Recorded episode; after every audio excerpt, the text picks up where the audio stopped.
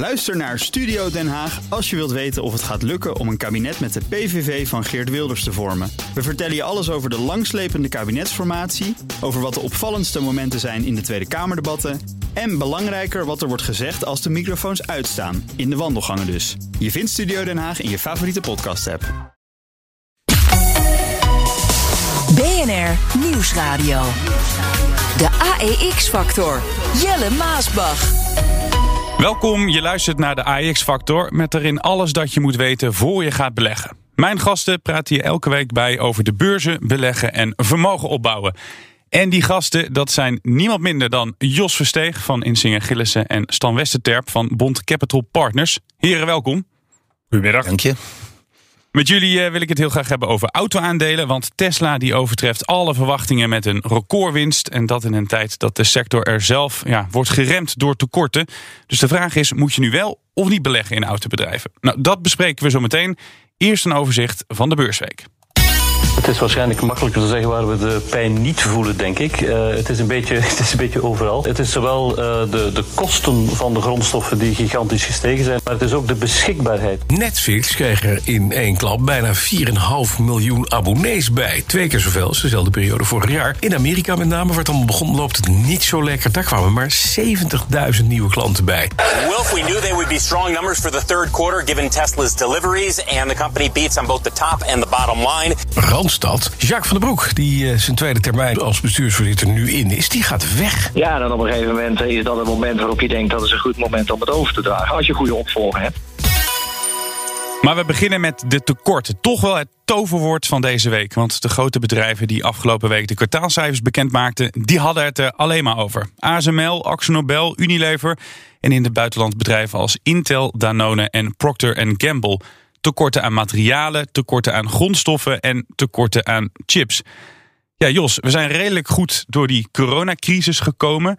Hebben we nu weer de volgende crisis te pakken, een tekortencrisis? Nee, ik denk dat dat gewoon de nasleep is van de pandemie. Kijk, heel veel producten die zijn tegenwoordig heel ingewikkeld. Ik las een verhaal in de Wall Street Journal van een, wat was het, een, een, soort spa-sauna, zo'n lichtbad van die spuitdingen erin. En daar hadden ze iets van 3000 onderdelen in zitten. En die 3000 onderdelen komen over de hele wereld vandaan. Ja, en als dan de, de, vrachtwagenchauffeurs er niet zijn, havens dicht zijn, de, de, de, aantal fabrieken dicht zijn geweest, ja, dan is dat hele toevoer, die hele supply chain, die is in de war geraakt. En dat duurt nog wel een paar maanden voordat we daar overheen zijn. Maar het is een tijdelijk fenomeen, daar ben ik van overtuigd. Tijdelijk fenomeen. Stan, moet je dit dan maar even voor lief nemen als belegger? Uh, nou ja, ik ben het wel met Jos eens dat het eens inderdaad dat het een tijdelijk fenomeen is. Uh, maar laten we ook wel. Ik probeer toch even ook te kijken naar wat het potentiële risico ervan is. Dus natuurlijk als die disruptie, disrupties langer doorgaan en dus die prijzen langer hoog blijven, ja, dat de inflatie ook wel eens wat langer hoger kan blijven dan dat we uh, nu zeg maar als basisscenario vanuit gaan. Um, en dat dat wel echt een serieus risico is. Want dat zie je natuurlijk ook al in de rente terug. En hè, we hebben al eerder deze maand daarop weer beursreacties gehad. Dus uh, ik ben het ermee eens dat de, de, de, kans dat we teruggaan gewoon naar normaal, dat die vrij groot is. Maar het risico als het niet gebeurt, is best wel groot. En je ziet wel, de berichten ook vanuit de CEO's, is dat het toch allemaal net wat langer duurt dan dat wij hadden gehoopt. Of in ieder geval hadden verwacht. Um, en je ziet ook dat bedrijven gewoon, uh, sommige bedrijven gewoon aan het hamsteren zijn. Dus eigenlijk extra uit die markt gaan halen om er maar voor te zorgen dat ze genoeg in ieder geval uh, op voorraad hebben. Jij bent wel wat negatiever dus. Uh, nou, nee, laat ik het zo zeggen. Ik zie ook wel wat Jos zegt. Alleen ik vind het gevaar voor uh, uh, het niet uitkomen van onze verwachtingen is wel is erg groot. Zeker met, met, met, met de beurskoersen die we daar nu bij zien. Ja, hoe kijk je daarnaar, Jos? Ik uh, besluit me dan aan bij wat Leel Brainerd zei. Mogelijk de opvolger van Jerome uh, Powell. Uh, een, een lid, lid, van het vetbestuur. En zij zei eigenlijk van ja, dit is tijdelijk. En waar ik me eigenlijk meer zorgen om maak... is de, dat de inflatie op langere termijn onder de 2% komt. En ik denk dat die, die krachten die je al een hele tijd hebt op de wereld... Hè, globalisering, technologie, vergrijzing... dat die voorlopig nog wel doorzet. En dat is echt een, een, een disinflatoire trend... die, die, die de inflatie drukt. Dus ik, ik denk echt dat je na een tijdje van hoge inflatie geleidelijk weer terug gaat naar toch weer die lage inflatie wat we al jaren zien. Je moet niet vergeten dat de inflatie in Amerika de afgelopen 25 jaar al onder de 2% is. Ja. Dus ik ben daar minder bang voor dan Stan. Maar ja, het risico blijft wel, dat, uh, dat geef ik uh, zeker mee. Die kosten lopen op, zei je net al, uh, Stan. Kunnen ze dan alles doorberekenen? Nee, niet, niet alles. Dat ligt er ook een beetje aan in welke sector dat je kijkt natuurlijk. Sommige sectoren hebben niet zulke grote marge. Is al lastig om door te gaan rekenen. Andere hebben dat wel. Uh, maar als ze door gaan rekenen kunnen ze potentieel marktaandeel uh, verliezen. Ik denk dat Unilever een goed voorbeeld uh, was. Daar zullen we het straks nog wel even over hebben ongetwijfeld. Maar daar zie je inderdaad dat die prijzen wel omhoog gingen. Maar de volumes daardoor waarschijnlijk ook wat omlaag. Dus inderdaad, dat je wel een stukje kan doorberekenen, maar dat het potentieel meteen ten laste gaat van, van je marktaandeel. Um, en dat is natuurlijk de grote vraag. Zeker als het door zou blijven stijgen. Uh, ja, waar gaat het heen? Um, uh, maar toch inderdaad, wat Jos zegt. Kijk, ik moet ook niet zo zijn dat ik ontzettend negatief ben. Ik zeg alleen dat de outlier, dat als het gebeurt, dat ja. dat wel echt een serieus ja. risico is. Ja. Uh, maar ik ga er ook vanuit, vanwege die, die onderliggende trends inderdaad, dat je lange termijn toch weer richting dat gemiddelde gaat. Eigenlijk ook wat de FED en de IMF en de OESO en alle, partijen, alle grote partijen die er wat van, echt van kunnen weten ook zeggen op dit moment. Nou, je zegt net, we gaan het zo meteen vast over Unilever hebben. Unilever verhoogde de prijzen, AXO ook. Uh, niet alles kunnen ze doorberekenen, dus dat sluit aan op jouw verhaal. Luister even mee naar Thierry van Lanker, dat is de topman van AXO. Om het even heel concreet te maken, hij reageerde... wat gaat een pot verf dan nu kosten? Ja, ik denk dat dat hangt een beetje vanaf natuurlijk van land per land. Maar ik denk dat je toch mag kijken naar ergens tussen de 5 en de 10 procent voor die speciale markten. Dus ik zou zeggen, een pot verf wordt een fantastisch kerstgeschenk. Ja, hij zei, het, uh, hij zei het grappend. Hij was verrassend eerlijk. Normaal is het heel moeilijk om een topman ertoe te bewegen. We hoorden helemaal dat fragmentje in het begin van deze uitzending. Dat hij zei, je kan beter afvragen waar het niet slecht gaat. Maar hoe lang houdt hij dat dan vol, uh, Jos, zo'n uh, zo'n zo'n topman? Ja, nou kijk, daar, daar, heeft Stan toch wel een punt. Prijzen stijgen natuurlijk, maar prijzen dalen zelden. Dus je, moet, je moet er wel rekening mee houden dat, dat er wel de mogelijkheid is dat die prijzen ook zo hoog blijven. Het is, het is niet zo makkelijk om die prijzen weer terug te brengen. Maar ik denk aan de andere kant dat er genoeg concurrentie is in de wereld. Dus dat zal wel weer uh, gebeuren. Het is voor. Uh, Axel heeft redelijk sterke merken, vind ik, in die, in die verf in Nederland. Wereldwijd ken ik het niet zo goed. Ik denk dat, dat dat ook wel best goed is. Ja, je moet eigenlijk kijken naar bedrijven die een hele sterke merknaam hebben. Apple is daar natuurlijk het absolute voorbeeld van. Die kunnen hun prijzen verhogen. Je ziet, Unilever heeft het ook gedaan, maar die hadden wel een volumedaling van anderhalf procent. Dus ja, je, je moet. wel hele sterke merken hebben. Ja, ja. maar de, wat er ook aan ligt dan van. Uh, kijk, je moet eigenlijk ook nog een merk hebben van iets, iets waar je bij je ook niet makkelijk iets anders kan kiezen. Kijk, als je een, een, een telefoon hebt en je hebt een Apple, dan ben je niet zo snel geneigd om over te stappen op Samsung. Een hele ander besturingssysteem en zo. En ja, met de gemiddelde producten van Unilever kun je ook nog wel eens een keer met een huismerk toe.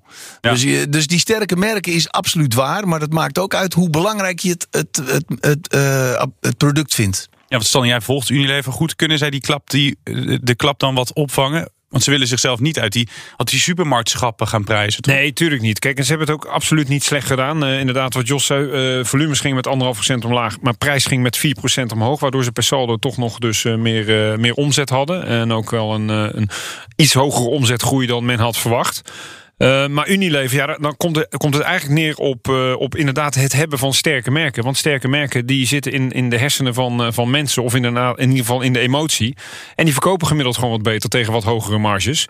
Dat betekent dus ook dat je met je prijs niet meteen één op één hoeft door te, te rekenen. Kijk, als jij inderdaad geen, of gewoon een huistuin- en keukenmerk verkoopt tegen absolute bodemprijzen. Alles wat aan grondstoffen omhoog gaat, moet je meteen één op één doorberekenen. Want anders maak je meteen verlies. En je marge is al heel dun.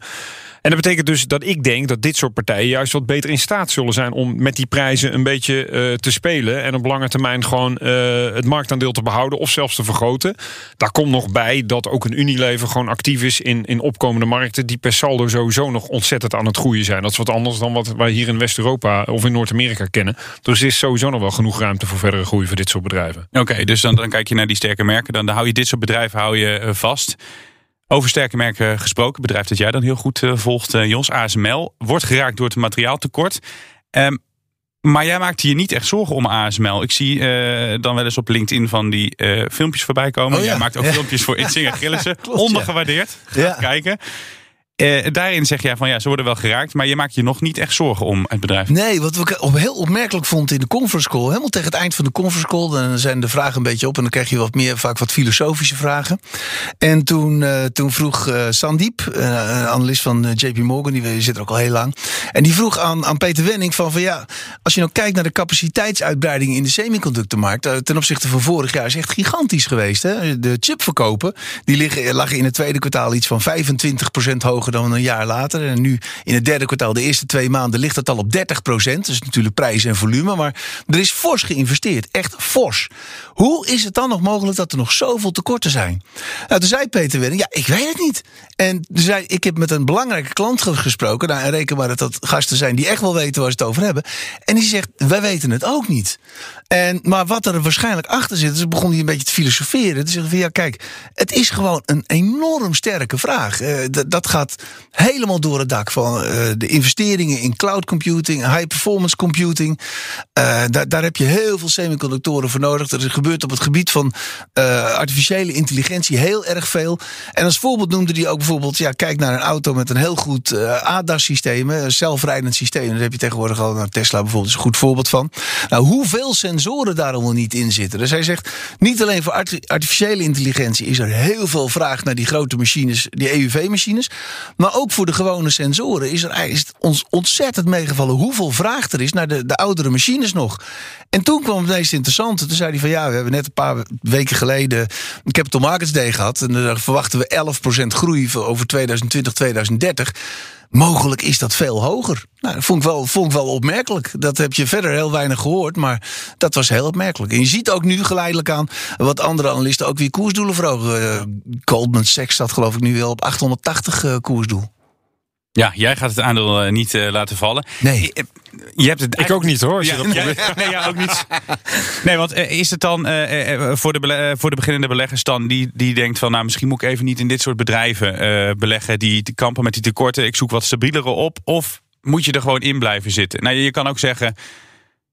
ik, ik, ik ga even niet voor zo'n bedrijf. een bedrijf als Unilever of een bedrijf als ASML of zeg je van, ja, het heeft geen zin om die nu even te laten, want al die bedrijven die kampen met tekorten. Ja, kijk, dit zijn wel twee hele verschillende bedrijven. Uh, kijk, ASML, daar is geen, geen evenknie voor wat mij betreft. En dat is er voor, voor Unilever wel. Um, daar, komt nog bij, daar komt wel bij dat ASML qua waardering natuurlijk ontzettend hard opgelopen is. Dus ik me kan voorstellen in de timing dat je zegt, en zeker ook in het sentiment van de markt, misschien ja, als het omdraait, dan gaat dat er ook weer even hard vanaf, winstnemingen. Maar fundamenteel, en dat sluit me aan bij het verhaal van Jos. Ja, die Capital Markets Day, ik geloof dat ze zeggen dat ze in 2030 op 40 miljard omzet gaan zitten. Nou, dat, dat is dan conservatief geschat waarschijnlijk, want ze zijn niet gek daarin veel over. Ja. Dus, maar die kans kan ook best wel eens zijn dat daar nog een veelvoud bovenop komt. Nou, ga dan maar eens doorrekenen hoeveel winsten ze per jaar eh, met, met de huidige marges eh, overhouden. Dan is de waardering waar ze nu op staan inderdaad nog veel te laag.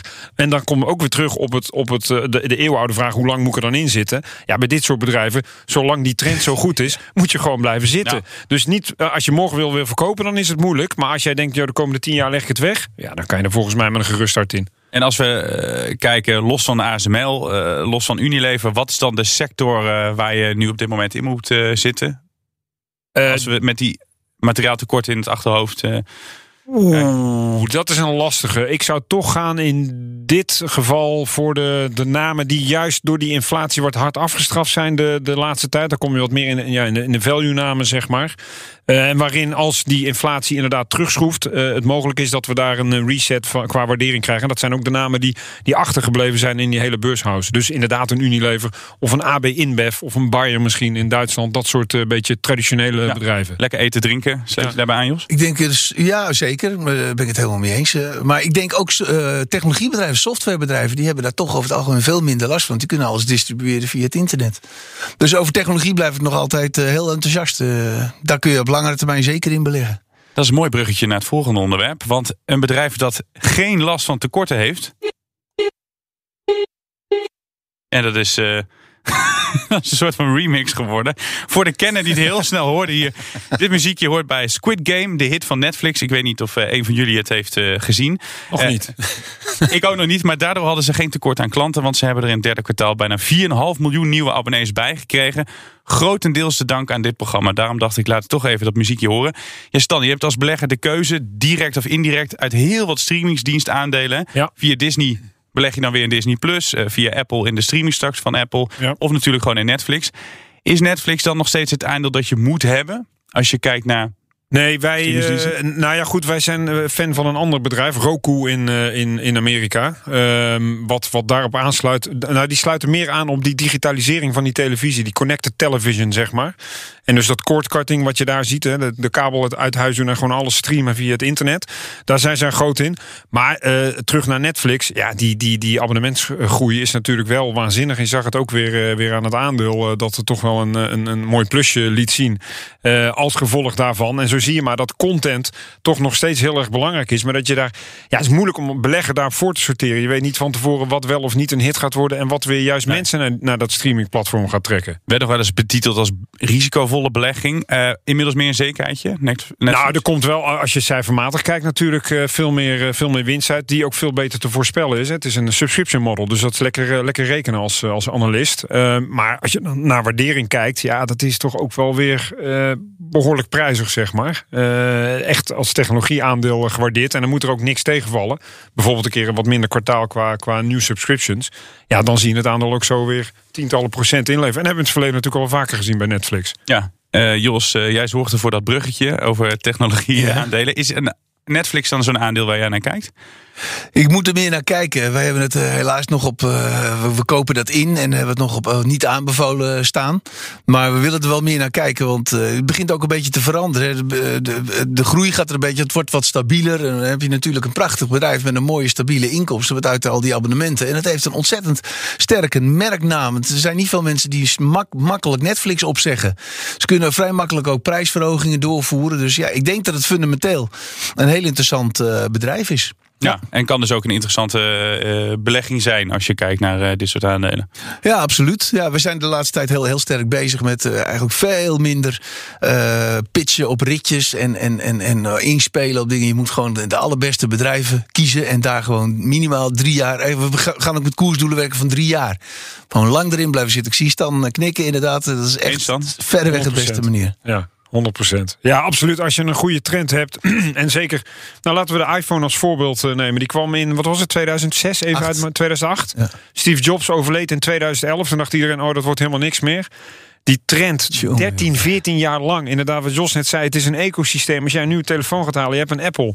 Heb Ja. jij, denk je dat je een Samsung of iets anders gaat halen? Nee, nooit. Nee, ik wil ja. geen reclame maken voor Apple. Maar, hoe met Jos, buiten, met Jos heb ik er heel vaak buiten de uitzending over gehad. Wij zijn allebei toch wel, kan ik wel verklappen, ja, ja, ja, Apple-fan. Ja. Ik, ik kan nooit meer aan een Android-systeem. Nee, nee, maar dat geeft dus aan hoe lang zo'n trend door kan zetten. En hoe, hoe ver ze daarop kunnen voortborduren op dat hele ecosysteem. En als je dus zo'n goed bedrijf hebt, ja, dan moet je er gewoon in gaan zitten. En dan moet je daar gewoon eh, ja, de tijd zijn werk laten doen. Ja, en dat Roku, wat jij net aanhaalde. Ja. ehm, dat zit dus ook in de, in de streamings gebeuren. Ja, dat is eigenlijk een concurrent van de Amazon Fire Stick en de Google Chrome. Ik weet niet of je het Ja, normaal ja. zo'n stickje die al in de USB-poort achter in de televisie gaat. Waarbij een normale analoge televisie meteen digitaal kan maken. Omdat die via de wifi of een, in ieder geval op het internet gaat. En dus kan je meteen streamen. Grote voordeel daarvan is ehm, dat je, eh, zij maken ook software voor de, voor, de, voor de digitale televisie. Die ze ook weer bij hardwareleveranciers gratis eh, leveren. Dus het zou zomaar eens de nieuwe softwareproducent, eh, de nieuwe iOS zeg maar, van de televisie of Windows van de televisie kunnen worden.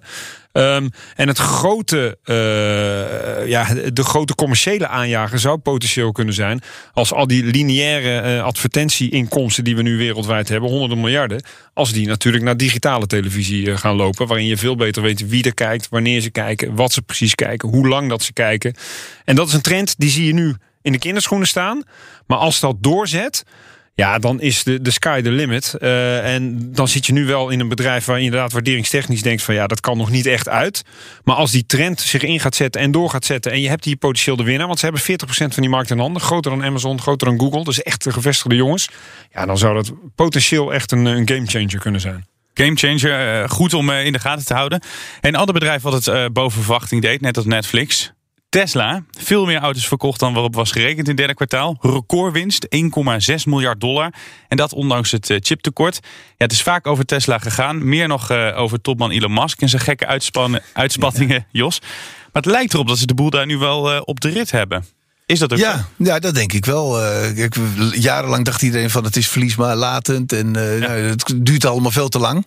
Maar als je kijkt naar een kaststroom, het is toch een, eh, een positieve vrije kaststroom hebben ze inmiddels. En ja, het is eigenlijk niet echt een autoproducent. We hadden het net over Apple. Van Tesla zou potentieel zo'n zo'n bedrijf kunnen worden met een hele sterke merknaam. Wat eigenlijk een softwarebedrijf is met het zelfrijdende auto's. Heel veel ontwikkelingen in de, de accu's. Dus ja, het zou meer kunnen zijn dan een autobedrijf. Je kunt ze eigenlijk ook niet meer vergelijken met een normale klassieke autobedrijf. Dus ja, wij, wij- ik ben, ik heb, durf ik wel toe te geven, ben er heel lang negatief over geweest. maar al ook. een tijdje, eh, met dank aan onze Engelse eh, analisten, die, die waren er heel positief over. Zijn we er nu, hebben we dat nu op de kooplijst staan, zoals dat heet. Nou ja, ik merkte dat er heel veel eh, Tesla-believers of, of Tesla-fans altijd naar BNR luisterden. En ik heb wel eens gezegd van Tesla gaat het niet redden. Hè. Toen een paar jaar geleden veel te hoge schuld, eh, veel te gekke topman.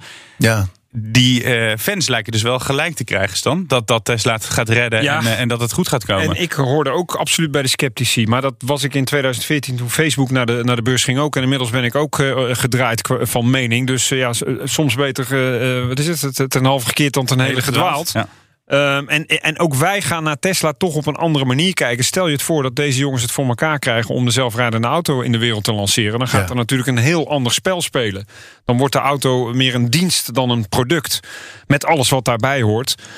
Eh, ja, dan eh, als, als ze dat voor elkaar krijgen eh, en, en ze worden daar de marktleider in. software voor eigenlijk operating system voor auto's. Ja, dan, dan Worden ze meer dan, dan een, een, een auto bouwen, wat Jos al zei. Absoluut. En een hele interessante. Ja. Als we ze nu nog beschouwen als een autobouwer, hè, dus dan moeten ze concurreren met bijvoorbeeld een Volkswagen en een, Mhm. eh, een Daimler. Is Tesla nu het autoaandeel dan dat je moet hebben, Jos? Staan Ja, zij wel, bij ons ja? absoluut, zonder enige twijfel. eh, Als je in die auto's wil zitten. Ligt ook een beetje moeilijk, want we zijn ook heel sterk bezig met eh, ESG. Hè, dat eh, verantwoord beleggen. Daar passen eigenlijk autofabrikanten ook niet zo heel erg goed in. Als je ziet dat er in Europa met Volkswagen. die, Dieselschandaal. dat, dat dieselschandaal. Maar ook omdat de meeste auto's nog altijd wel fossiel, op fossiele brandstof rijden. Dus nee, Tesla is bij ons echt de keuze daarvoor. En ja, ik denk ook. Als je vergelijkt met die, die traditionele autobouwers, die moeten hun businessmodel zo enorm omgooien om elektrische auto's te gaan bouwen.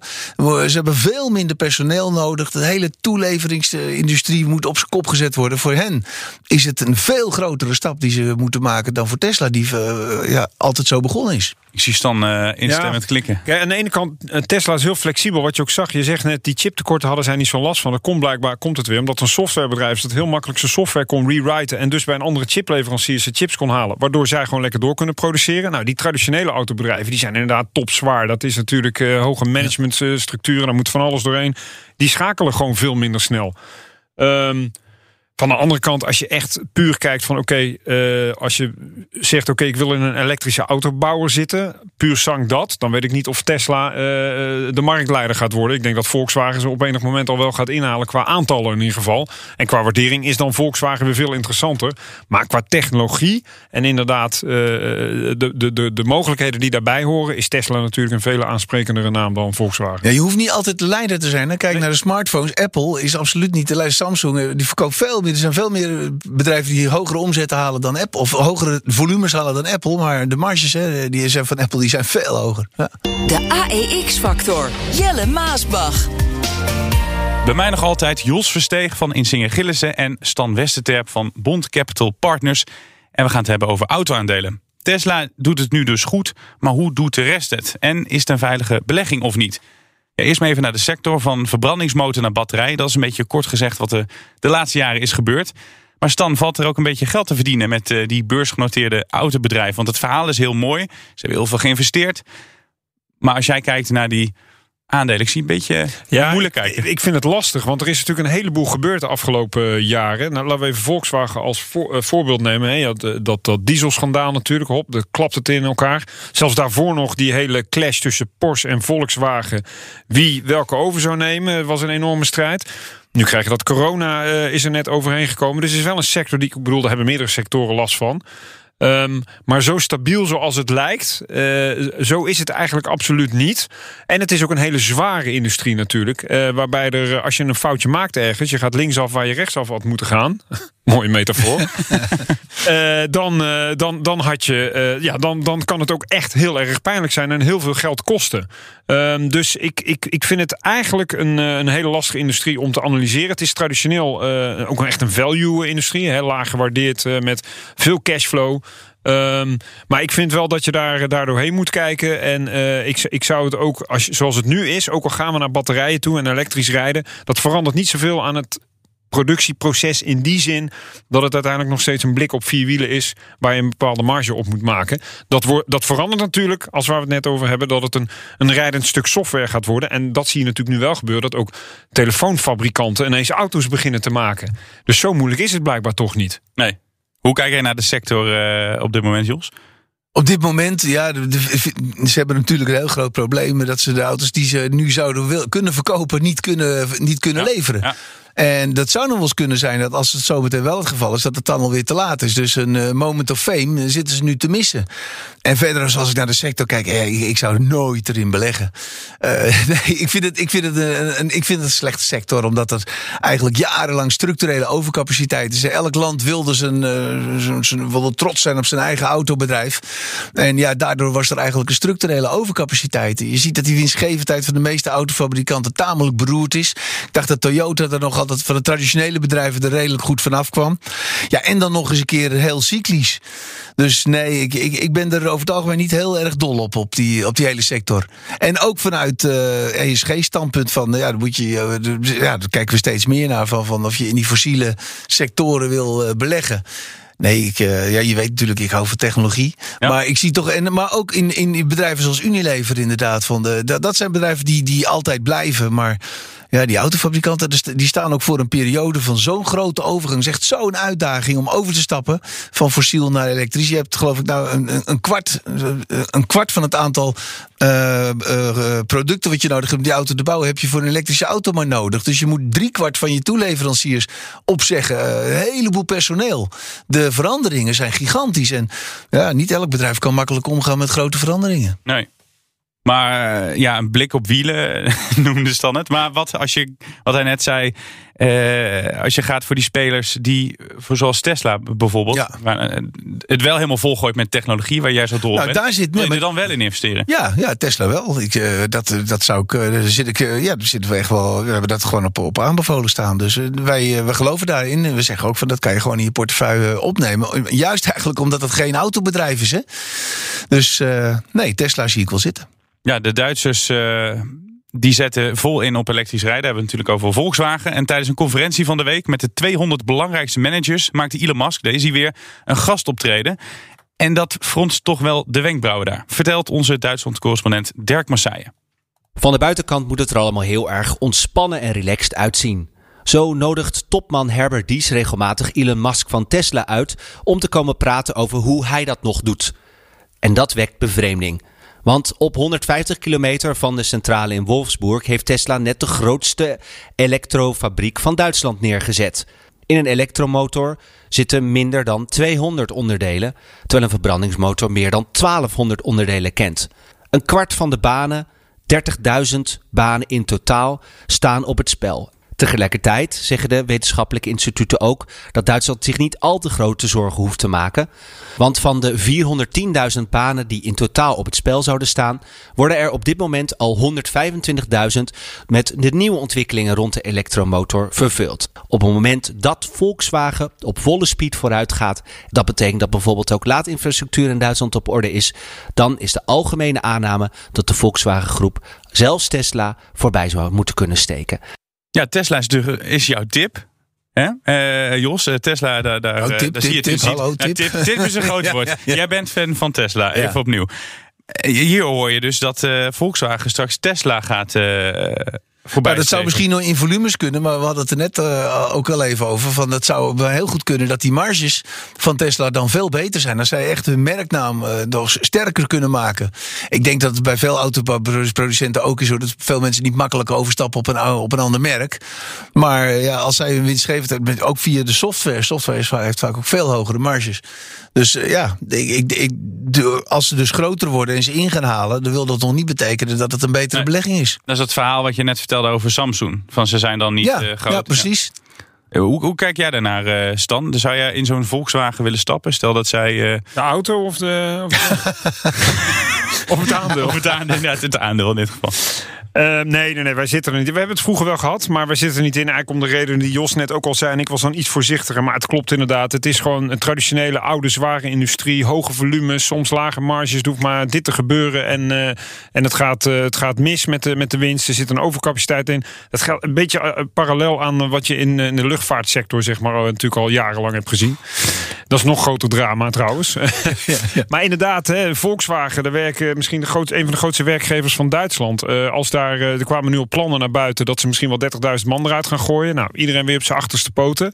Maar laten we eerlijk zijn, in het verleden is zo vaak gebleken, als je niet doorinnoveert, dan doet de markt het werk wel voor je. Dus je kan wel zeggen van ja, dan moeten we al die arbeidsplaatsen gaan opvangen. Maar zo werkt het niet. Als je het niet doet, dan ben je per definitie eh, kwijt als je niet doorinnoveert. Dus ik denk dat de autobranche eh, voor een enorme uitdaging staat. Ik geloof wel erin dat Volkswagen meer elektrische auto's kan bouwen en zal verkopen dan Tesla. Maar het feit dat Musk daar bij, voor die 200 topmanagers verschijnt, geeft ook al aan dat hij totaal geen, geen bedreiging ziet vanuit Volkswagen. Sterker nog, zijn missie is ook altijd geweest om de hele wereld elektrisch rijdend te krijgen. Dat redt hij niet met zijn eigen bedrijf. En dan kan het nog steeds dat Tesla inderdaad meer marge maakt op de, op de producten die zij verkopen. En dat hoeft al lang niet meer alleen de auto te zijn, maar ook de hele software en de upgrades en alles wat daar en het ecosysteem dat daar potentieel eh, bij hoort. Dus- Ik zag bij onze verwachtingen dat eh, de, onze analist in Engeland ervan uitging dat ze mogelijk wel 20% van de markt zouden kunnen krijgen. Dus ja, ik, ik weet niet hoeveel Volkswagens hebben, maar dan halen ze Volkswagen wel in. Dus het zou zomaar kunnen. Maar het is natuurlijk wel, kijk, bij technologie altijd, als je uitgaat van zulke hoge groeicijfers, ja, daar zit natuurlijk wel een groot risico in. Van als je een paar keer een tegenslag hebt, dat je dan ook behoorlijk de boot in gaat. Maar wat ik bij jullie beiden hoor, die traditionele autobouwers, om daar nou een aandeel van te hebben, dat niet. Maar als je het eh, hebt over een auto als een rijdende computer, dus als die helemaal chockvol technologie zit, dan moeten we er wel van gaan. Ja, en, en niet zo'n legacy dus inderdaad. Met zo'n enorme his- historie meezeulend. Wat, wat, wat, Wat nog- Volkswagen nu wat remmend werkt eigenlijk eh, op, op zo'n bedrijf. Je bent wel van de autometafoor. Ja, eh. sorry.